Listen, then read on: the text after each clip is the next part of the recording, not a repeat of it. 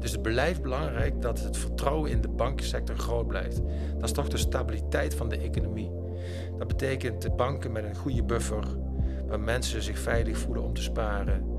Maar waar ook eh, banken in staat zijn om ondernemers te helpen in het verwezenlijken van hun ambities. Dus echt actief ondernemend bezig zijn met projecten in de samenleving. Ik zeg altijd, uh, deze regio is een regio van duizend bloemen bloeien. Veel initiatieven, veel ideeën. Alleen de praktische kant, die mag nog wat meer ontwikkeld worden. Ook wel de competitieve kant mag nog iets meer ontwikkeld worden in deze regio. De Nijmegen Ondernemers Podcast. Vandaag hebben we Anton Driessen te gast directeur van Rabobank Gelderland Zuid. We gaan praten over ondernemerschap in de regio, hoe de Rabobank bijdraagt aan duurzaamheid en innovatie in de financiële sector en wat de toekomst van het bankwezen in petto heeft. Uitdagingen en kansen voor ondernemers en de economie in de regio. Blijf luisteren. We tekenen een coöperatieve bank ik denk dat een coöperatieve bank uh, in staat is om de middelen die uh, zij uh, als resultaat verdienen, om die middelen voor een deel terug te geven aan de maatschappij. En dat geld gaat dus niet naar de aandeelhouders, naar de investeerders, maar het geld gaat terug naar de maatschappij voor maatschappelijke projecten, voor een voedselbank, voor een innovatief project in een regio, lokaal, dichtbij. En dat is anders natuurlijk dan bij een handelsbank. Dus een hulpzame insteek. ja, uh, vroeger zei Raiffeisen, uh, die uh, ooit de Rabobank heeft opgericht, de Raiffeisen Bank. Vroeger was de Raiffeisen Bank en de Boerenleenbank. Samen in 1972 tot de Boerenleenbank, Raiffeisen Bank, Rabobank geworden. En die zei altijd, ehm, je moet mensen geen eh, vis geven, maar een hengel. En zo is het ook. Hè. Ze moeten zelf die vis kunnen vangen, daar is een hengel nodig. Want vis geven, dat doe je één keer en de tweede keer en de derde keer, maar het eindigt nooit. Dus hoe word je zelfredzaam? Dat is eigenlijk het credo van Raiffeisen. En zelfredzaamheid, dat wil zeggen, hoe kun je dan vanuit een Rabobank, een coöperatieve inslag, projecten zover brengen dat mensen ook weer zelfredzaam daarin uh, in worden. En zo proberen wij projecten te financieren of soms uh, innovatief kapitaal aan de voorkant te geven, een voucher of subsidie, zodat mensen daarmee in de slag kunnen. Dat kan zijn een huis, een soort van tweede huis waar mensen zeg maar uh, zichzelf kunnen zijn, die niet veilig meer kunnen wonen bij hun man of vrouw. En dan met kinderen daar verzorgd worden. Hoe kunnen we ervoor zorgen dat we een Ronald McDonald huis hier in, uh, in Nijmegen ook een, een mooi huis kunnen geven waarmee we een van de donateurs zijn. Zodat kinderen die daar in het ziekenhuis liggen ook daar een kamer hebben om eventueel opgevangen te worden met hun ouders? Hoe kun je ervoor zorgen dat we een zonnepark gaan realiseren in Druten om uiteindelijk duurzame, regionale eigen energie op te wekken, in plaats van afhankelijk te zijn van de grote energiereuzen? En wat kunnen wij als Rabobank met coöperatief dividend daarin doen?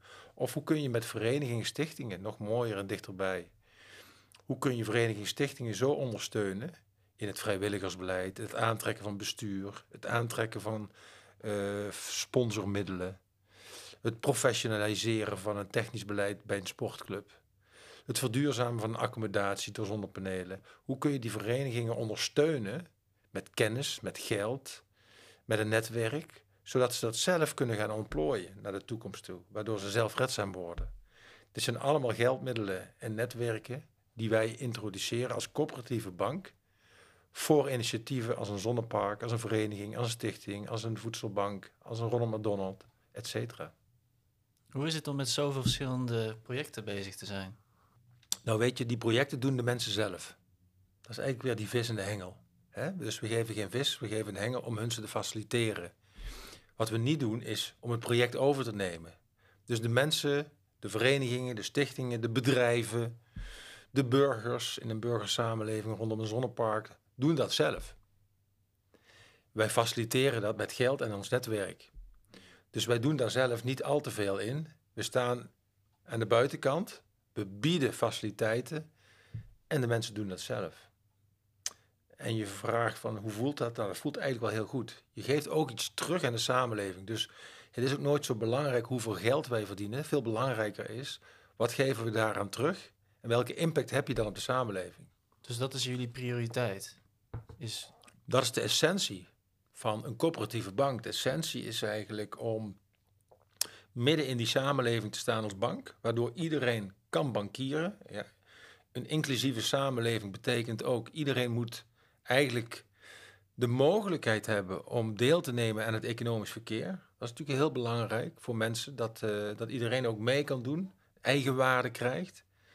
Uh, beschikbaarheid van geld is gewoon belangrijk. Mensen moeten dingen kunnen kopen voor hun kinderen, voor zichzelf, zichzelf kunnen onderhouden. En als wij daar een bijdrage aan kunnen leveren door één, een goede dienst, dienstverlening aan te bieden.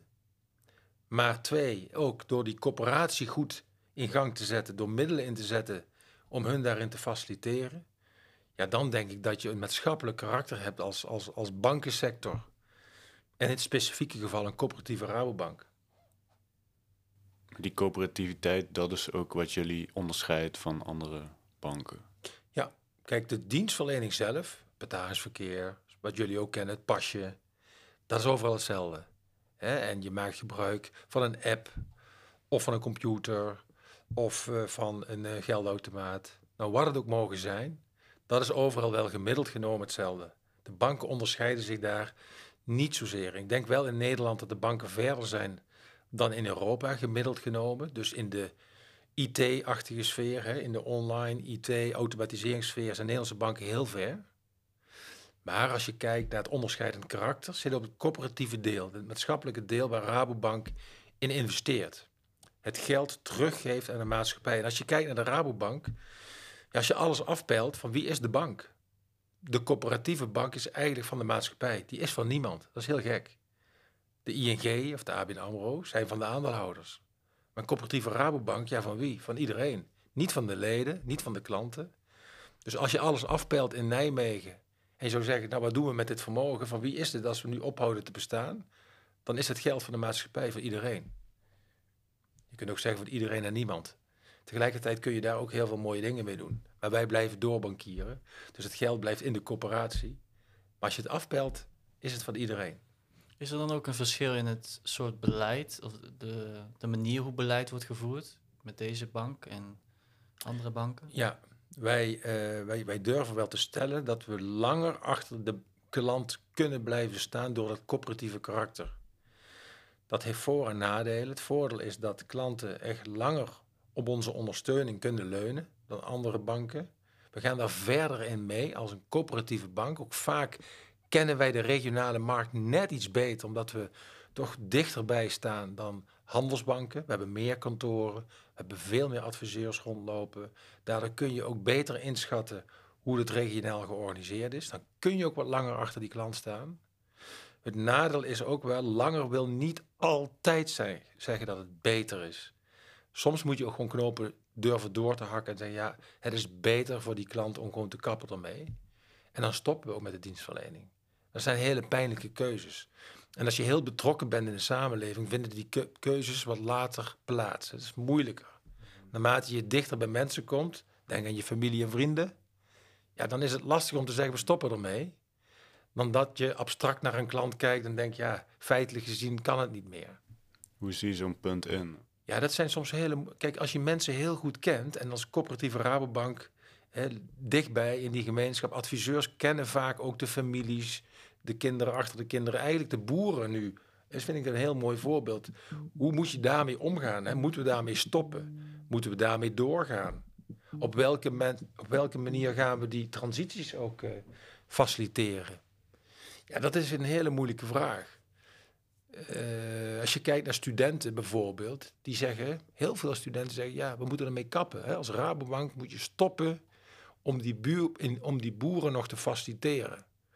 Dat is een bepaalde manier van kijken, wat die nieuwe generatie heel sterk in zich heeft. Die maatschappelijke kant, de gezondheid en de gezondheidszorg, om die ook veel meer podium te geven. En daar staan we als Rabobank volledig achter. Je moet ook goed kijken naar de pesticiden. Je moet goed kijken naar de stikstofuitstoot. Dus die kan begrijpen wij van bijvoorbeeld die nieuwe generatie studenten heel goed. Maar, en daar komt eigenlijk het antwoord op de vraag. Als ik diezelfde studenten dan teruggeef, maar als jij aan tafel zit, bij de families, met die kinderen en de opa's en oma's die ooit die boerderij hebben opgezet, dan probeer je er alles aan te doen om ze nog te helpen en te faciliteren om die transitie te maken. Als die boer voor jou een abstract begrip is, zoals dat voor een gemiddelde student is, dan snap ik dat je zegt, ja, kijk eens naar de gezondheid van mensen. Die gaat toch voor het sociale, maatschappelijke impact voor een boer. Nou, dat zijn de dilemma's waarmee je speelt als je aan de keukentafel thuis bij mensen en de familie zit. Dus die relaties zijn veel sterker. Wij kennen, we kennen de voorouders, we kennen de ouders, we kennen de kinderen. En als je daarmee aan tafel heb je daar ook een gevoel bij. En natuurlijk moet je kijken naar de feiten. En natuurlijk moet je kijken naar de gezondheid en de maatschappij. En de gezondheidszorg is al te duur. Dus feitelijk gezien moet je wel met bepaalde boeren ook stoppen. En we zijn ook wel heel helder als Rabobank. Op het moment dat de boer de transitie niet maakt, de verduurzamingskant niet realiseert, de biodiversiteit niet realiseert, dan kun je zeggen, ja, dan is er een moment dat we stoppen. Maar tegelijkertijd zullen we er alles aan doen om die boer mee te nemen in die transitie, om hem te faciliteren of haar te faciliteren, het gezin te faciliteren, de kinderen daarin mee te nemen, om naar een natuurlijke, toekomstbestendige landbouw te gaan in Nederland. Want het is een inkomstenbron, maar het is ook een sociale ontmoetingsplaats voor boeren en families.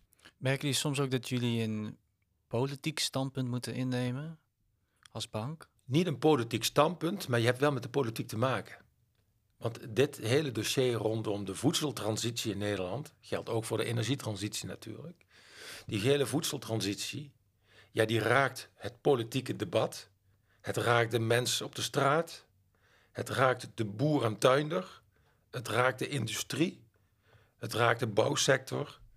Het is een politiek, de, politiek debat. En tegelijkertijd is het de realiteit van elke man en vrouw op de straat. Dus je zit in een politiek debat, maar je moet ook positie durven in te nemen als bank. En dat vinden we soms wel eens moeilijk, omdat je met alle belangen te dienen hebt. En tegelijkertijd moeten wij enerzijds het klantbelang dienen, onze klanten, zo goed mogelijk faciliteren en helpen. Maar ook kijken naar die gezondheidssector. Maar ook naar die duurzame landbouw en naar het potentieel en de werkgelegenheid die dat oplevert. En naar de politieke standpunten. Maar politiek zelf, in zichzelf, of het links of rechts is, hebben wij niet mee van doen. Wij kijken naar de inhoud. We kijken sec naar de inhoud, hoe wij als bank en onze rol daar positie kunnen innemen. En de belangrijkste rol is toch de transities rondom energie en voedsel naar de toekomst toe, in Nederland, maar ook mondiaal, om die transitie te financieren. Want daar zijn we van. En mondiaal zijn we de grootste food- en agribank ter wereld. Dus wij hebben ook een belangrijke verantwoordelijkheid daarin. Dus dat is jullie verantwoordelijkheid? Dat is onze verantwoordelijkheid om die transitie mee helpen te financieren. Andere belangenbehartigers of politieke partijen hebben weer andere rollen en verantwoordelijkheden. Onze verantwoordelijkheid is hoe kun je die boer, die tuinder, de gezondheidszorg in die transitie meenemen en dat stuk wat ze nodig hebben ook financieren of investeren. Dat geldt hetzelfde in de energiesector. Hoe kunnen wij de energiesector transformeren naar een duurzame, regionale, zeg maar, opwek van energie? Via een zonnepark, via een windpark. Maar soms heb je te veel congestie en wil je net niet te zwaar belasten, heb je een batterij nodig. Hoe zet je die daartussen? Zodat opslag van energie dichtbij ook georganiseerd kan worden. Hoe zorg je voor afnemers van die energie, die duurzame regionaal opgewekte energie. Dus hoe breng je die keten bij elkaar? Dan heb je als Rabobank met al die partijen als burgers, als ontwikkelaars, investeerders. Hoe kun je dat met elkaar samen doen? En dat is een rol die we hebben. Naast de rol van financier, geld ter beschikking stellen, hebben wij ook een belangrijke rol als coöperatieve bank in het smeden van coalities.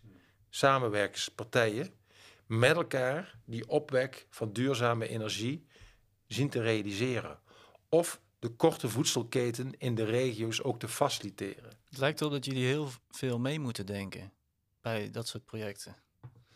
Nou, we hebben ook heel veel kennis. We hebben, we hebben een Rabo Research afdeling, bronnen van data die we ook beschikbaar kunnen stellen aan die samenwerkingsverbanden. Dus los van geld hebben we ook heel veel data wat we kunnen gebruiken ten behoeve van die transities. Dus ja, we moeten ook meedenken met die strategische vraagstukken. Maar wel in de rol van bankier. Dat zeg ik er altijd bij. Wij zijn bank. We zijn niet een overheid, we zijn geen onderwijsinstelling en we zijn geen ondernemer. We zijn bank, we moeten dat met geld doen van onze spaarders. Dat vraagt wel heel zorgvuldig bankieren. Je moet de risico's anders afwegen dan een ondernemer. Soms wordt de Rabobank of een bank wel eens verweken. Jullie nemen te weinig risico's. Maar dat willen we ook niet. Dat is onze rol niet. De risico's liggen bij de ondernemers. Of de ontwikkelaars of de investeerders. Wij financieren tegen hele lage marges met geld van onze spaarder om daarmee een hoger rendement te realiseren. Dus uh, hoe helpen jullie ondernemers precies? Ik denk dat wij voor de ondernemers er zijn op, op het moment dat het spannend voor hem of haar wordt. En de spannende momenten voor een ondernemer is als die gaat investeren. In vastgoed, in machines, in werkkapitaal, in mensen. Dan zijn we er. Maar we zijn er ook op het moment dat het even liquiditeitstechnisch minder gaat. Met de economie. Of dat die bepaalde klappen moet opvangen omdat klanten het wegvallen. Of de markt terugvalt. Dat zijn spannende momenten voor ondernemers. En dat moet wel zijn. Dus grotendeels kan die een bank gebruiken via het online kanaal. Geautomatiseerd. Veel kan al geautomatiseerd. Maar echt op momenten dat het er doet, doet investeren, liquiditeitstechnisch of soms strategische discussies voeren over die voedseltransitie of die energietransitie, dan moeten wij er zijn. En dan komt het persoonlijke heel sterk naar voren.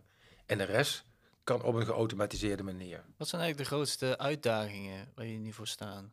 Wat is top of mind? Ik denk voor de bankensector top of mind wel is uh, hoe gaan we verder uh, professioneel opschalen. Hè? Want je kijkt naar de Silicon Valley Bank in Amerika die onderuit is gegaan, naar Credit Suisse die onderuit is gegaan.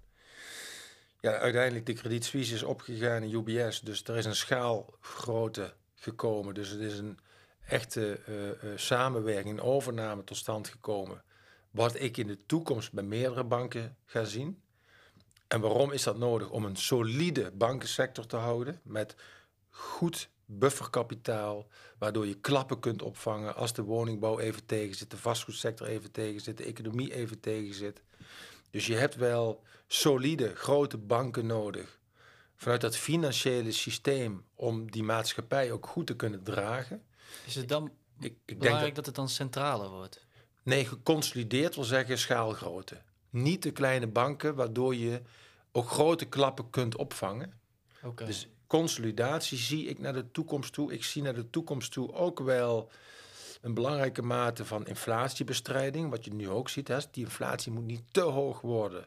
Daardoor heb je ook uh, een rentegevoeligheid. Je gaat een renteknoppen draaien als centrale bankbedrijf. Dus die belangrijke rol heeft de bankensector ook.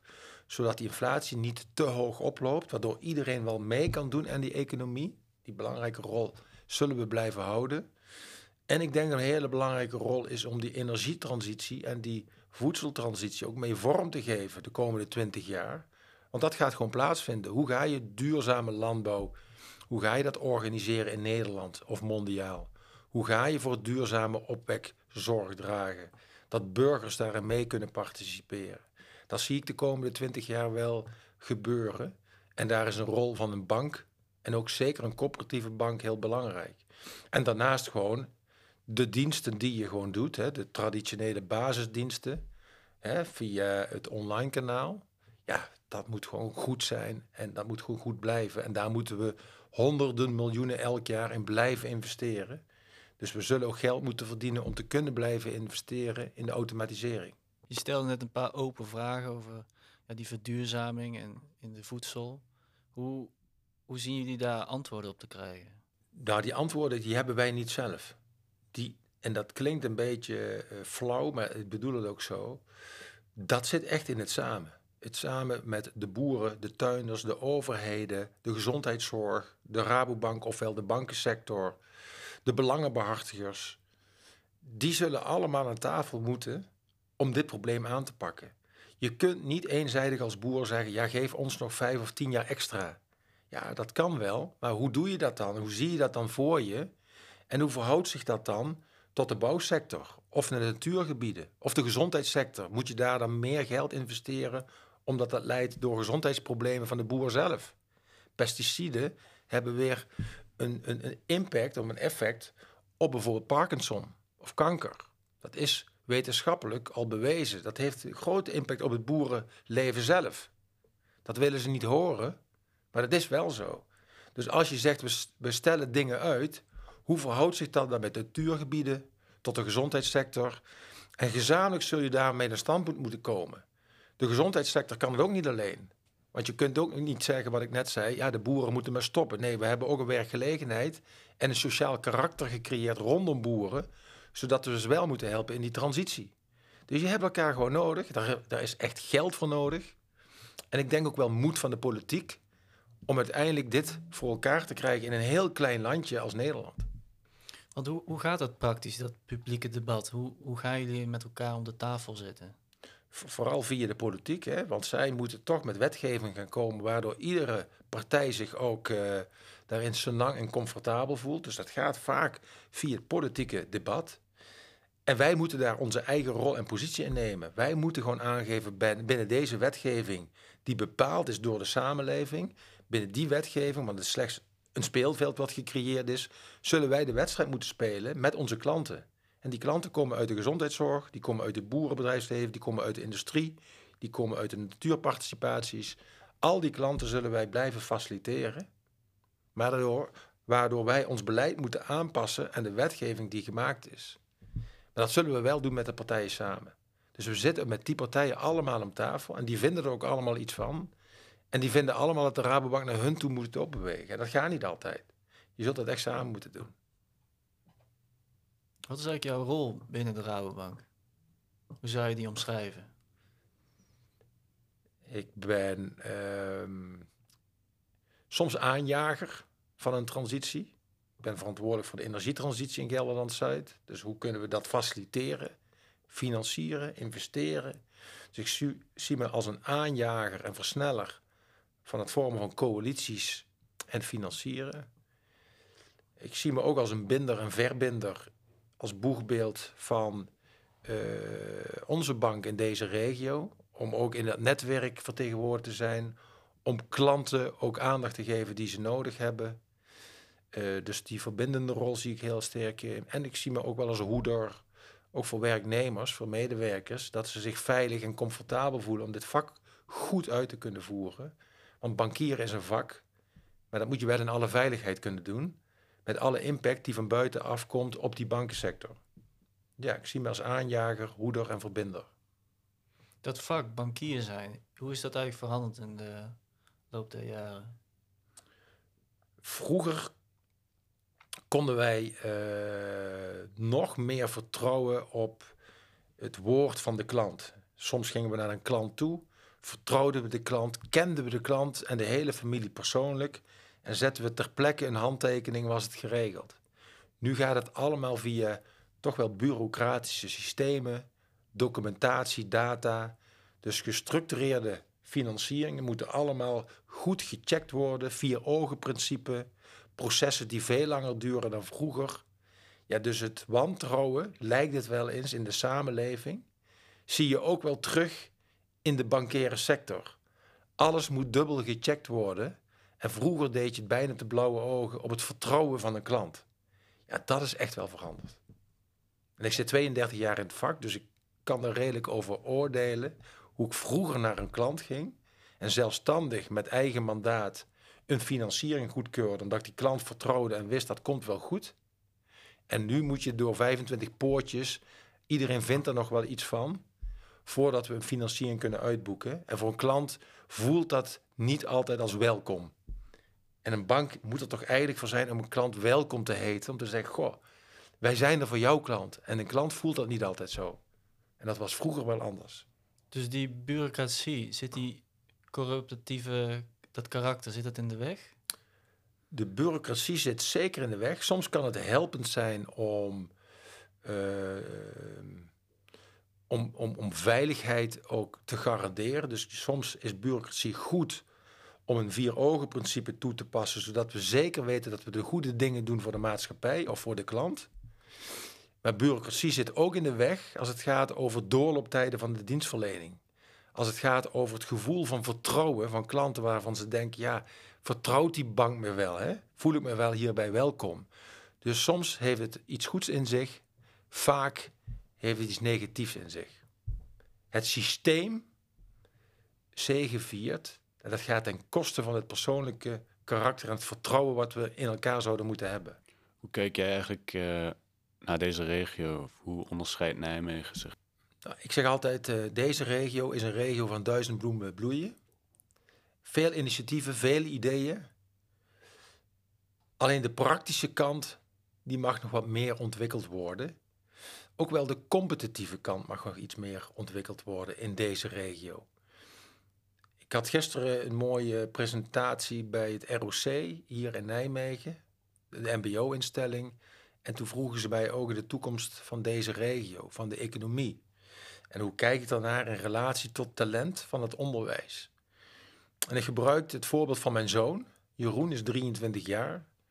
En hij uh, woont in Nijmegen. Heeft zijn bachelor gedaan op de Radboud Universiteit. Is DJ. Wil zijn geld verdienen om avontuurlijk te zijn. Om te reizen. Met zijn vriendin op stap te gaan. Allemaal leuke dingen te doen. Maar er is wel economie voor nodig. En er is een economische faculteit voor nodig. En er zijn MKB-bedrijven voor nodig waar hij kan werken. En dan heeft hij toch gekozen uiteindelijk voor de master in Tilburg. Waarbij hij hier blijft wonen en zijn netwerk eigenlijk hier heeft opgebouwd. En ik heb de vraag gesteld, waarom zou een, een, een jongen van 23, die met twee benen eigenlijk in Nijmegen staat, nu met één been in Tilburg gaan staan, het andere in Nijmegen, omdat hij niet weet wat het beste voor hem is. En dat zit toch wel in het economische karakter en structuur van deze regio. We zijn nog wat minder goed geordend en georganiseerd rondom die economie. Om die talenten ook hier te houden. En het MKB zich zo met elkaar te verbinden, zodat ze ook die uitdaging en die ambities van studenten ook echt waar kunnen maken. Wat is hij gaan studeren? Ondernemerschap. Oké. In, uh, in Tilburg.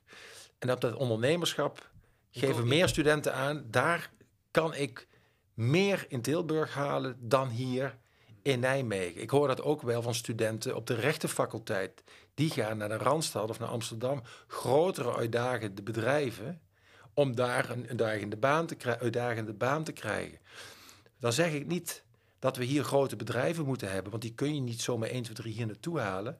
Maar je kunt er bijvoorbeeld voor zorgen dat je coalities vormt van MKB-bedrijven. die met elkaar zo'n interessant samenwerkingsspel en partijen worden voor studenten, dat ze interessant genoeg zijn voor opdrachten, voor mooie uh, uh, jobs, of waarbinnen je kunt muteren, dat je van job naar job gaat binnen verschillende instellingen of bedrijven. Maar daarvoor heb je wel ordening nodig en opschalen. En daarin is deze regio iets minder goed. Dus ik denk naar de toekomst toe dat deze regio heel veel potentieel heeft. In 2030 moeten we 35.000 nieuwe woningen hebben in Arnhem-Nijmegen. In 2040 gaan we er 100.000 woningen in Arnhem, Nijmegen en Food Valley. Dat betekent ook veel meer bouw, veel meer werkgelegenheid, veel meer recreatie. Dus ik zie daar heel veel kansen voor deze regio.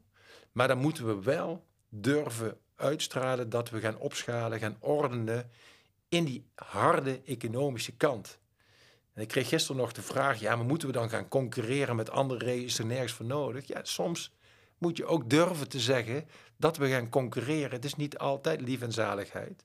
Soms moet je ook die concurrentie aangaan op dat stukje waarin je je wilt onderscheiden als regio. Op dat stukje uniciteit. En dat ook uitdragen naar een nieuwe generatie mensen om dat vertrouwen te geven. Als je hier blijft, kun je en mooi wonen, recreëren, maar je hebt ook een mooie baan. En dat geld is gewoon nodig om je avontuur en je dromen te verwezenlijken. Want dat concurreren, waar, waar begint dat? Is dat bij het MKB? Nou, dat, dat, dat, dat is eigenlijk het samenspel tussen de overheden, de onderwijsinstellingen en het bedrijfsleven. Dan kun je niet zeggen dat het alleen voor het MKB is. Dat doe je echt samen. Maar bied je wel voldoende platform, innovaties, mogelijkheden voor het MKB om innovaties hier voor elkaar te krijgen. En dat, wat heb je daarvoor nodig als ondernemer? Dan heb je geld nodig, dus banken. Je hebt strategische partijen nodig om mee samen te werken. Andere MKB'ers die ook over de schutting kijken. Je hebt natuurlijk een overheid nodig die een vestigingsvergunning afgeven of andere vergunningen en die helpen daarin. En je hebt onderwijsinstellingen nodig die talent uitleveren en aanleveren.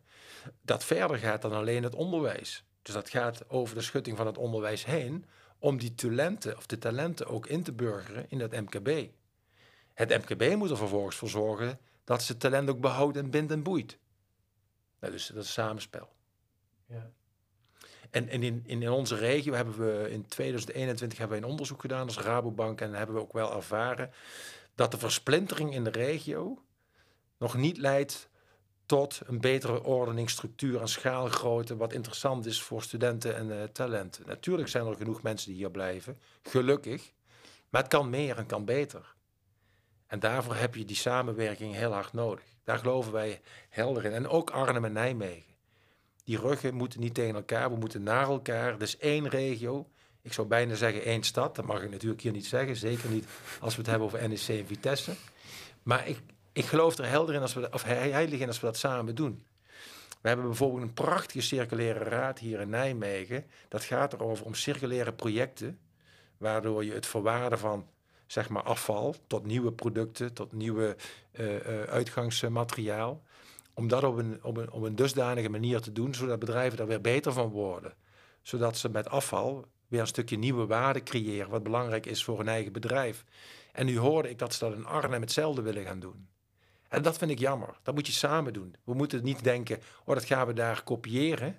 Nee, je moet kijken, goh, hoe gaan we dat samen in Arnhem-Nijmegen doen op een grotere schaal. Dus niet alles opsplitsen in twee of drie of vier. Maar daar waar we iets heel goeds voor elkaar hebben, kan ook andersom zijn in de energiesector in Arnhem. Hoe ga je dat opschalen naar iets groters, waardoor je veel meer massa krijgt om iets gezamenlijk op te pakken? Dus ik zie meer in het ordenen en het opschalen, in, het, in de gezamenlijkheid, dan het steeds blijven versplinteren. Mm Maar tegelijkertijd wel competitief blijven met andere regio's. En competitief blijven met andere regio's, dat kan ook internationaal. Maar dat bedoel ik niet met competitief Arnhem-Nijmegen, want dat zie ik als één. Precies. Ben je zelf competitief ingesteld? Ik ben heel competitief ingesteld. Althans, dat krijg ik wel eens te horen. En ik denk ook wel dat het uh, zo is. Maar heel competitief, kijk, uh, ik ben niet een, een, een, een, een, uh, een persoon die denkt in, in successen alleen in prestaties en in geld. Ik denk echt wel dat succes iets, iets meer is dan prestaties leveren. Ik, ik, ik, ik, ik vind het, het, het woord geluk daarin mooier en belangrijker dan alleen prestaties. Dus de prestaties zit voor mij dan wel op het, op het gebied van welvaart en welzijn. Dus ik kijk wel breder in, in, die, in het karakter van, van, van competitief en prestaties dan zeg alleen welvaart. Welzijn van mensen, de maatschappelijke discussies, het samenwerken met elkaar, het verbinden van twee regio's Arnhem-Nijmegen, om elkaar daarin op te zoeken, zijn voor mij wel succesfactoren die belangrijker zijn dan alleen onder de streep de euro's.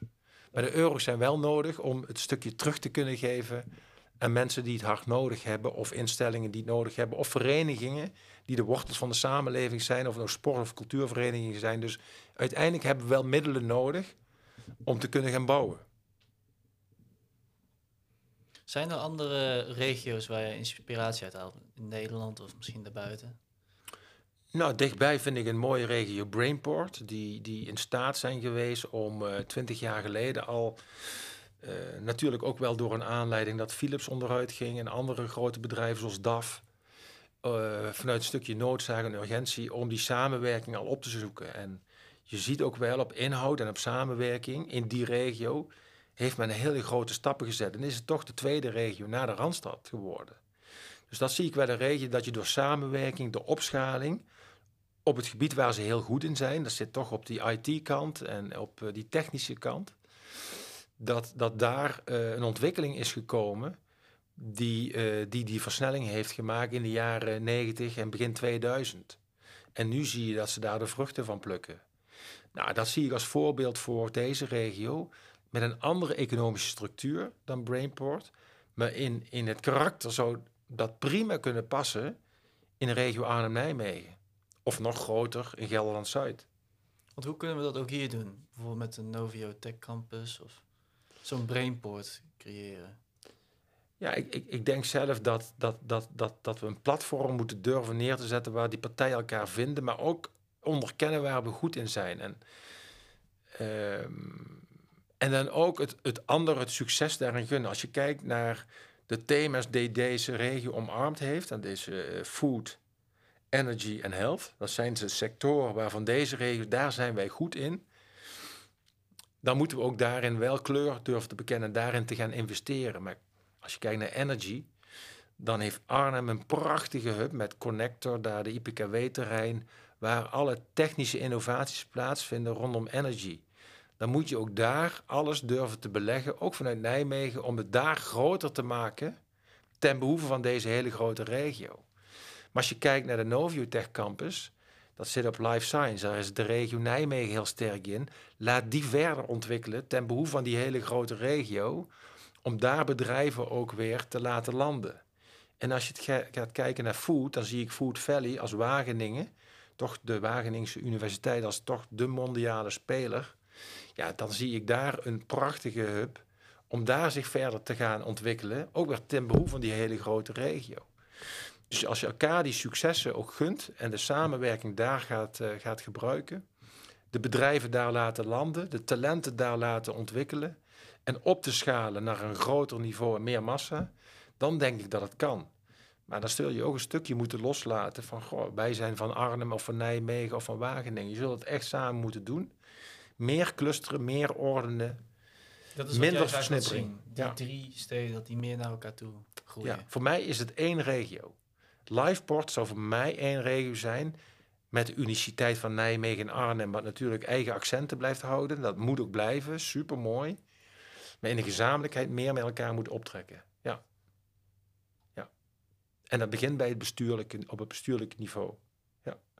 De, de burgemeesters, de wethouders, de overheden, de gemeentes. In de gezamenlijkheid, de, de groene metropoolregio vind ik wel een goed voorbeeld waarin ze dat faciliteren. Maar op alle niveaus, van MKB, van onderwijs, van overheden, moet dit gebeuren. En dan vind ik Brainport een heel mooi voorbeeld. Daar wilde de Peelregio voor, uh, voorheen ook niet mee met, met Eindhoven. En Helmond wilde ook niet mee met Eindhoven. Dat waren ook twee verschillende kampen die tegenover elkaar stonden. Maar na verloop van tijd gingen ze ook zien, als we dit samen gaan doen, worden we er allemaal beter van.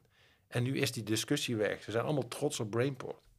Nou, ik hoop dat wij over tien jaar trots op Liveport zijn waarin Wageningen en, en, en, en, Arnhem en Nijmegen helemaal de handen elkaar hebben geslagen om die liveport-regio net zo groot te maken en succesvol op een hele eigen manier, eigen tijdse manier, maar ook wel een manier wat bij deze regio past om die groot te maken. En competitief op het mondiale platform. Want food is gewoon een mondiaal platform. Kunnen jullie goed samenwerken met de lokale overheden hier? Ja, we hebben gewoon een hele goede samenwerking met de gemeentes. Met, eigenlijk met alle overheden, met de provincie, met de Economic Board. Uh, dus daar zit het niet. De, ik, ik, denk dat de samenwerking heel goed is, ook met ons als coöperatieve bank.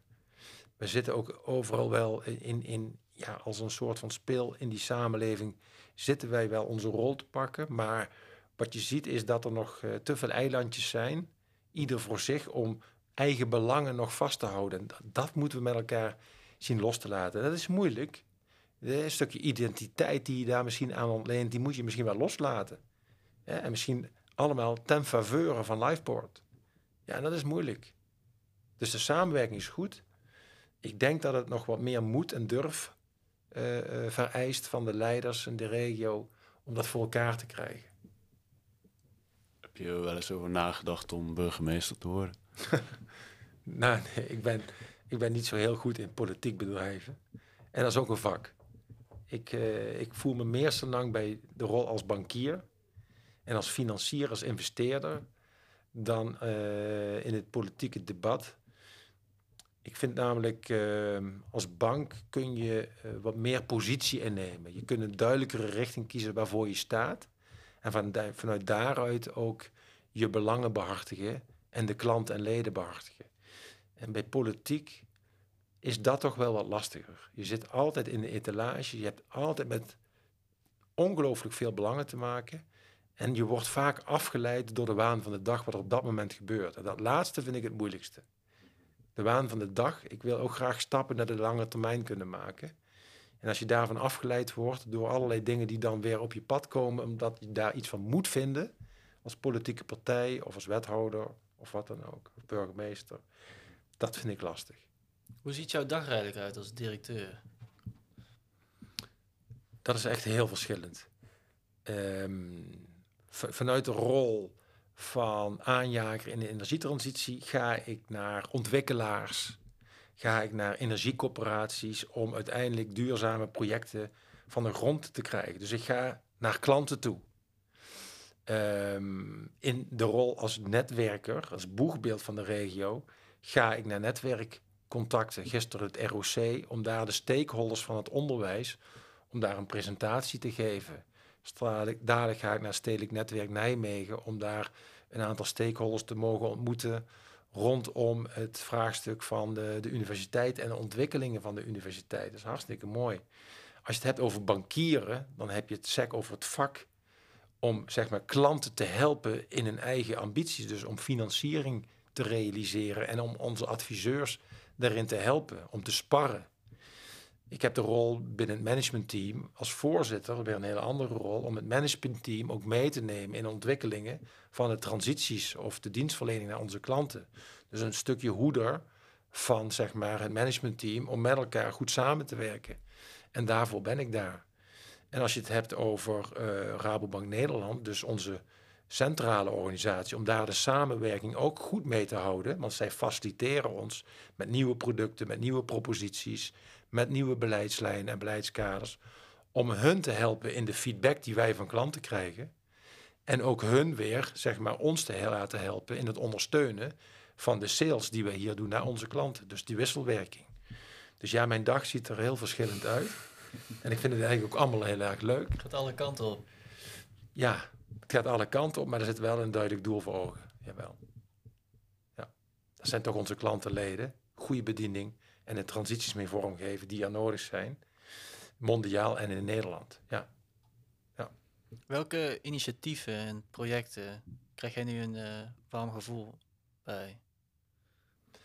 Ik denk toch wel de, de, de, de initiatieven waar we heel dichtbij laten zien en voelen dat we daar voor mensen zijn. En bijvoorbeeld noem ik dan, hoe, hoe kun je talenten nou binden aan deze regio? Wij hebben zes jaar geleden een innovatieplatform opgezet, RVNet. RVNet is een innovatieplatform wat gericht is op nieuwe projecten realiseren in het MKB. Dat kunnen allerlei projecten zijn waarvoor een MKB'er zeg maar, de tijd niet heeft, maar wel belangrijk is. Bijvoorbeeld voor verspilling van voedsel tegengaan kan een project zijn voor een individueel bedrijf die producten, voedselproducten maakt.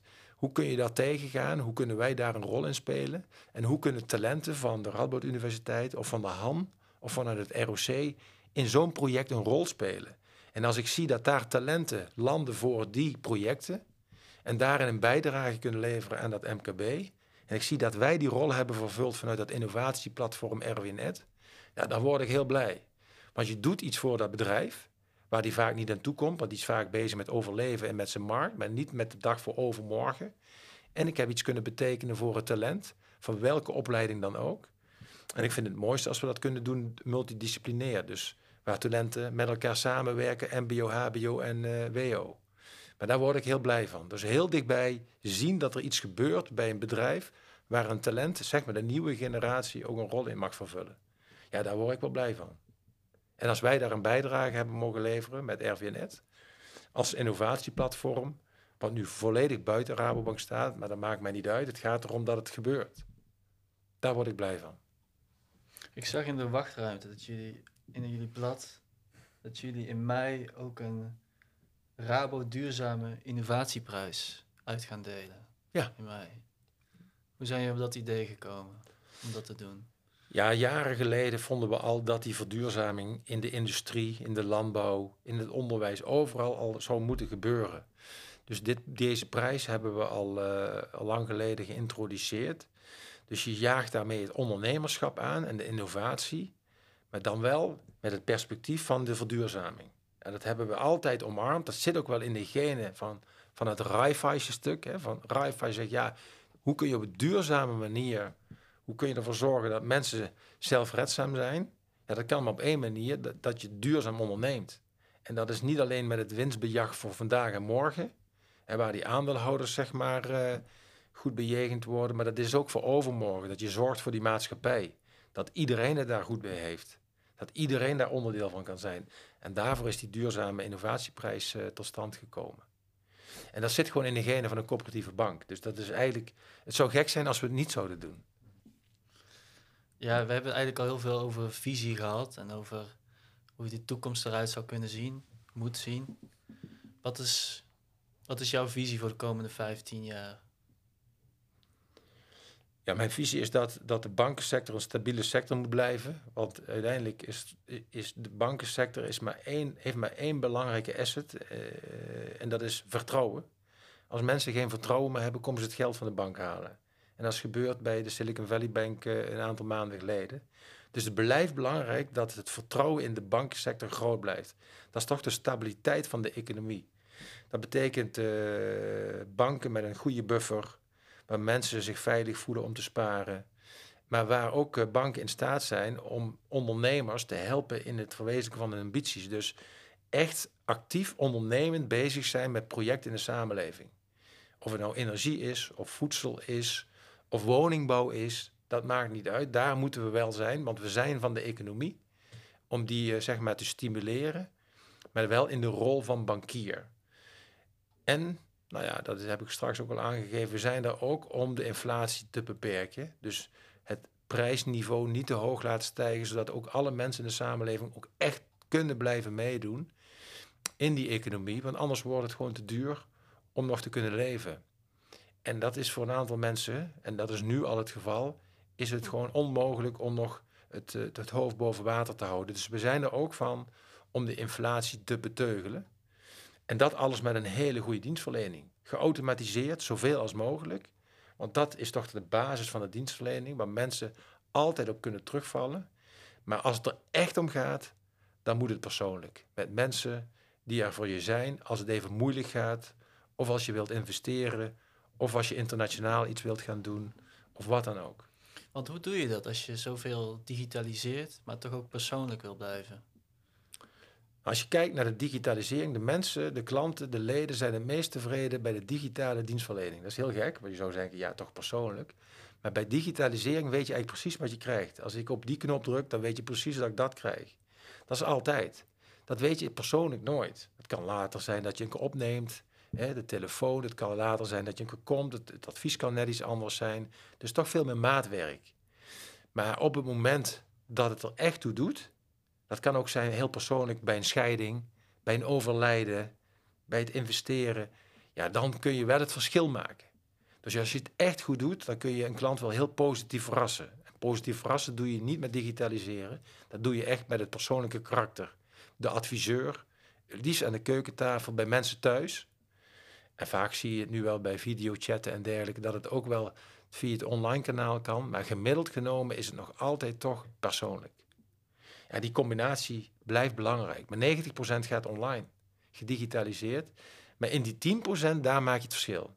Het onderscheid van de bankensector zit niet op die 90%. Het lijkt bijna uh, zo dat Antoine Driessen, Rabobank onafscheidelijk zijn. Wat heb je hiervoor eigenlijk gedaan? is dat zo? dat weet ik niet of we onderscheidelijk zijn. ik ben wel een uh, coöperatieman in hart en nieren.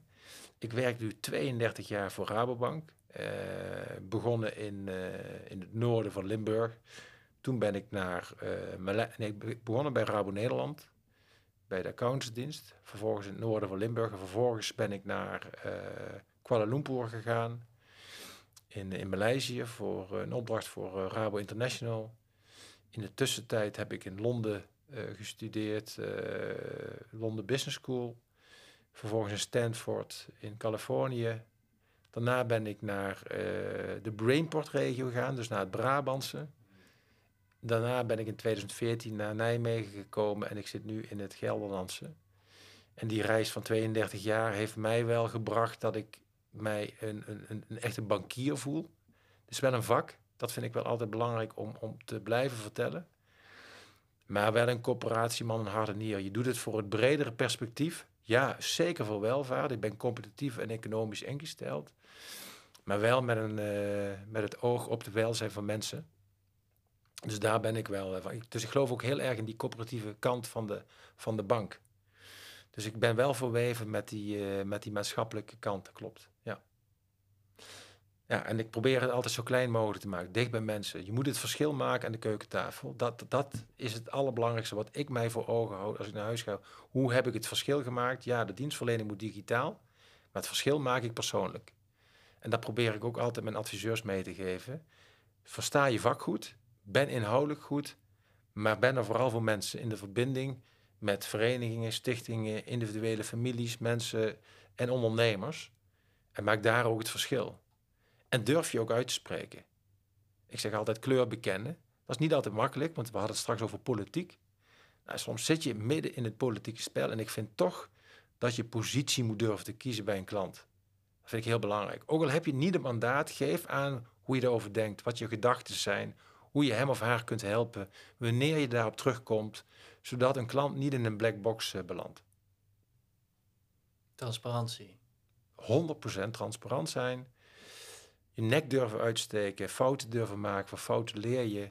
Daarop ook durven terug te komen bij klanten. En klanten altijd heel goed meenemen in het proces. Daar zijn we niet altijd even goed in als, bankensector. Dus neem een klant mee. Geef aan waar je staat als er een financieringsvorm eh, eh, wordt gevraagd. Of als mensen gaan scheiden. Of als er een overlijden is. Of als een bedrijf failliet gaat. Geef aan waar je mee bezig bent. Laat die klant niet belanden in een black box waarvan die denkt, waar zit ik nou?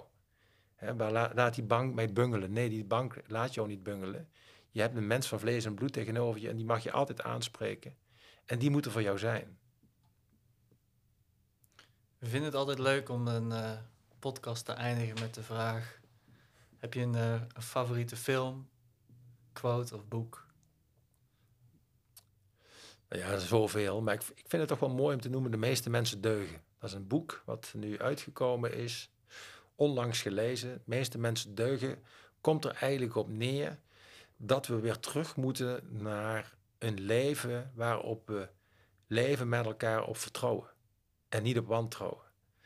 En dat boek, dat geeft eigenlijk aan dat we vroeger, toen de nomaden nog leefden, toen hadden we geen wetgeving. Toen kenden we geen landen. Toen hadden we geen kaders. We hadden geen landbouw. Mensen gingen met elkaar op reis, kwamen elkaar tegen, ontmoetten elkaar, gingen samen jagen, gingen samen leven en weer verder. Totdat de landbouw kwam, totdat er kaders kwamen van landen en grenzen, totdat generaals kwamen en CEO's. En in één keer was dat ego heel groot en vonden we eigenlijk wel dat de macht bepaalde hoe we konden leven. Invloed, macht, geld. Dat kwam toen pas in opkomst. En eigenlijk zouden we weer terug moeten naar die tijd van de nomaden. We hebben één wereld. Hoe onbelangrijk is het dat we landen hebben? We hebben één wereld, dezelfde mensen die op dezelfde manier de kans zouden moeten krijgen om te kunnen leven in gezamenlijkheid. En dat boek geeft dat ook wel aan. En waarom lukt ons dat niet? Terwijl 99% van de mensen en nog meer deugen. De meeste mensen deugen. Dat is omdat we toch een topje van de ijsberg hebben van generaals, landbouw, CEO's, noem maar op, die toch het ego en het eigen belang en macht, hoe je macht ook definieert, toch boven dat maatschappelijke belang stellen. En dat is heel erg jammer. Zijn er nog wat praktische tips uh, in het boek, hoe je dat zou kunnen doen? Ja, nee, dat, zijn, dat, is best wel een wetenschappelijk boek.